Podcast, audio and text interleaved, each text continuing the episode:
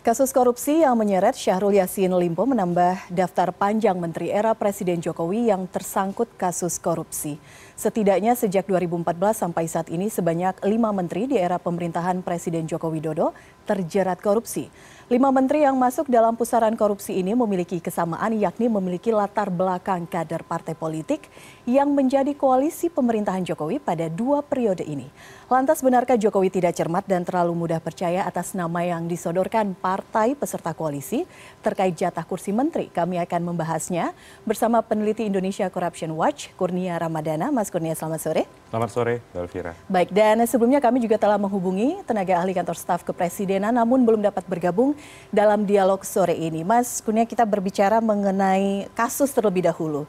Uh, tadi rekan kami sudah uh, menginformasikan perkembangan terakhir status uh, Syahrul Yassin Limpo uh, disampaikan pemanggilan hari ini sudah sebagai tersangka gitu.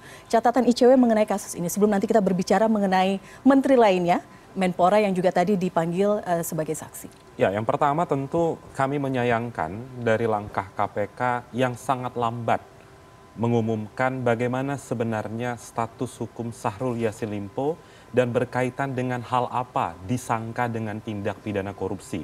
Karena berangkat dari pemberitaan dua pekan terakhir, mm -hmm. itu sudah tersiar di tengah masyarakat dengan pernyataan dari struktural KPK ada tiga klaster tindak pidana korupsi di Kementerian Pertanian, mulai dari pemerasan dalam jabatan, gratifikasi, dan pencucian uang. Sayangnya, peristiwa ini tidak disampaikan secara langsung, apalagi ini berkaitan dengan pejabat publik bahkan sempat diwarnai dengan pernyataan pejabat publik yaitu Pak Mahfud MD, Menko Polhukam yang rasanya seperti juru bicara KPK mengumumkan bahwa Sarul Yassin Limpo telah ditetapkan sebagai tersangka. Di tengah ada juga pemberitaan mengenai isu tindak pidana pemerasan oleh pimpinan KPK. Tentu ICW mendesak agar KPK tidak hanya dalam konteks pernyataan singkat bahwa Sarul Yassin Limpo telah ditetapkan sebagai tersangka, tapi jelaskan kepada masyarakat.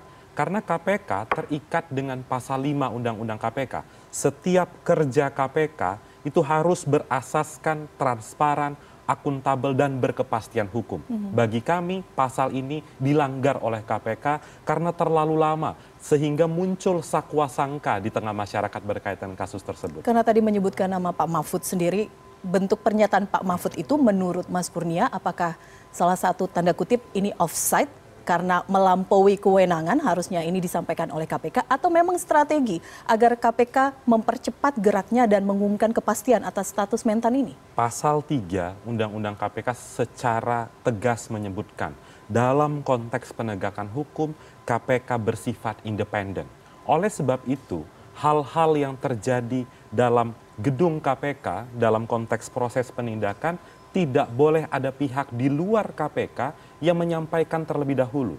Bahkan Prof. Mahfud menyampaikan yang cukup buat masyarakat kaget, Pak Mahfud mendapatkan informasi sesaat setelah ekspos perkara di KPK maka pertanyaan lanjutannya adalah siapa yang memberikan informasi kepada Profesor Mahfud MD dan dalam kapasitas apa informasi itu diberikan kepada seorang Menko Polhukam yang sebenarnya tidak ada dalam tugas dan kewenangan berbicara mengenai proses penegakan hukum di KPK. Oke, baik. Artinya kemungkinan dengan satu kasus ini kita bisa melihat bocornya informasi dan kemungkinan pihak istana uh, mengikuti bagaimana perjalanan kasus ini. Kita geser ke salah satu menteri lainnya yang statusnya masih sebagai saksi tadi dihadirkan di pengadilan.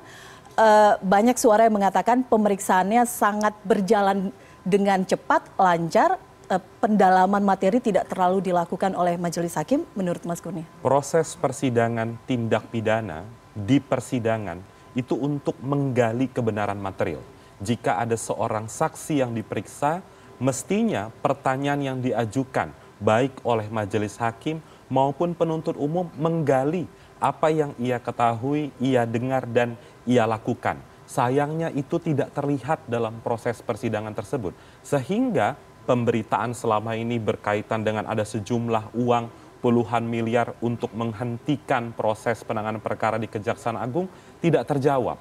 Ini sebenarnya momentum bagi kejaksaan untuk benar-benar menggali kebenaran material dalam proses hukum ini dan sayangnya itu tidak terlihat dalam proses persidangan. Jadi tidak hanya majelis hakim, tapi menurut Anda pertanyaan-pertanyaan yang diajukan oleh jaksa penuntut umum juga tidak terlalu mendalami peran Dito. Benar sekali karena terucapnya nama yang bersangkutan itu kan muncul dalam proses persidangan. Hmm. Mestinya itu digali agar apa? Agar dijadikan petunjuk bagi penyidik untuk mendalami proses hukum yang baru berkaitan dengan yang bersangkutan. Sehingga kalau ini tidak dibuka secara terang benderang, tentu akan menyulitkan proses hukum.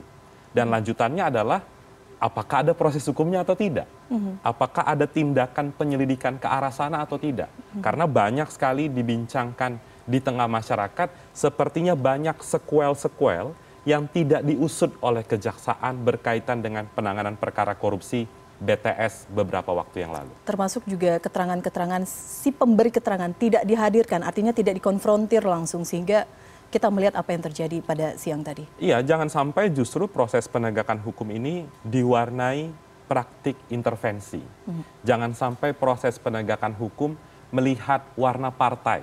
Ini yang timbul di tengah masyarakat karena apa? Karena proses penegakan hukumnya tidak transparan, tidak akuntabel dan tidak profesional. Mhm. Oke, mm -hmm. oke. Okay, okay. Sekarang kita akan tarik ber, berbicara mengenai menteri yang tersandung korupsi. Uh, seharusnya kita mengundang KSP tapi tidak bisa hadir bersama kita pada sore hari ini. Mas Kurnia, bagaimana Anda melihat setidaknya ada lima. Jika nanti kemudian uh, ada satu nama lagi, uh, Syahrul Yassin Limpo, artinya enam orang di era pemerintahan Joko Widodo periode satu, periode dua. Uh, bagaimana Anda melihat sehingga kemudian para menteri di era Jokowi ini banyak yang terjerat korupsi dengan latar belakang partai politik. Tahun 2014, ketika awal Pak Jokowi menjabat sebagai presiden, ada legasi yang baik dibuat oleh Pak Jokowi. Kala itu untuk menyeleksi menteri-menteri kabinet jilid pertama, Pak Jokowi itu menyetorkan nama-nama ke penegak hukum untuk di screening lebih lanjut. Sayangnya itu tidak lagi dilakukan tahun 2019. Sehingga pengetahuan Pak Jokowi berkaitan dengan rekam jejak mereka sangat minim. Dan kita melihat alokasi-alokasi untuk menjadi menteri itu bukan mempertimbangkan aspek kompetensi dan integritas, justru diwarnai dengan tadi soal partai koalisi dan lain sebagainya. Itu yang menjadi salah satu, meskipun ada banyak faktor yang menyebabkan maraknya praktik korupsi yang mendera kabinet Jokowi, khususnya para menteri-menterinya. Betulkah artinya memang uh, ada kelemahan dari seorang presiden untuk melihat rekam jejaknya karena memang tidak ada tadi ya yang disampaikan oleh Mas Kurnia berbeda di tahun 2014 sendiri? Ada dua contoh. Apakah menteri itu terlibat praktik korupsi saat menjabat sebagai menteri atau sebelum menjabat sebagai menteri? Saya ambil contoh kasus Pak Idrus Marham. Mm -hmm. Kala itu Pak Idrus disangkakan dengan dugaan tindak pidana korupsi bukan dalam kapasitas menteri sosial tapi sebagai anggota DPR RI. Itu contoh konkret yang tidak begitu clear proses penelusuran rekam jejak. Karena tidak bisa spot-spot menteri tersebut hanya diandalkan dari warna partainya saja. Kalau partai besar maka alokasi kursi menterinya harus lebih dominan. Tentu itu mengabaikan aspek-aspek lain seperti rekam jejak dan juga integritas. Hmm, artinya bisa dikatakan Presiden tersandra koalisi gemuk saat ini sehingga memang penyerahan nama-nama ini memang semua dilimpahkan kepada partai uh, pendukung. Kalau kita melihat seperti itu, banyak pos-pos menteri diisi oleh partai-partai tertentu dan itu yang harus dihindari. Dalam aspek lain juga kalau kita mengacu pada data di Komisi Pemberantasan Korupsi dari tahun 2004 sampai 2022 ada 1.519 tersangka. Sepertiga di antaranya, 521 orang, itu berasal dari klaster politik. Maka dari itu, jabatan-jabatan politis, jabatan-jabatan publik, nomor satu yang harus dilihat adalah rekam jejaknya. Karena jangan sampai justru kebanyakan pejabat publik masuk bui, maka akan semakin menambah deret panjang korupsi politik di Indonesia.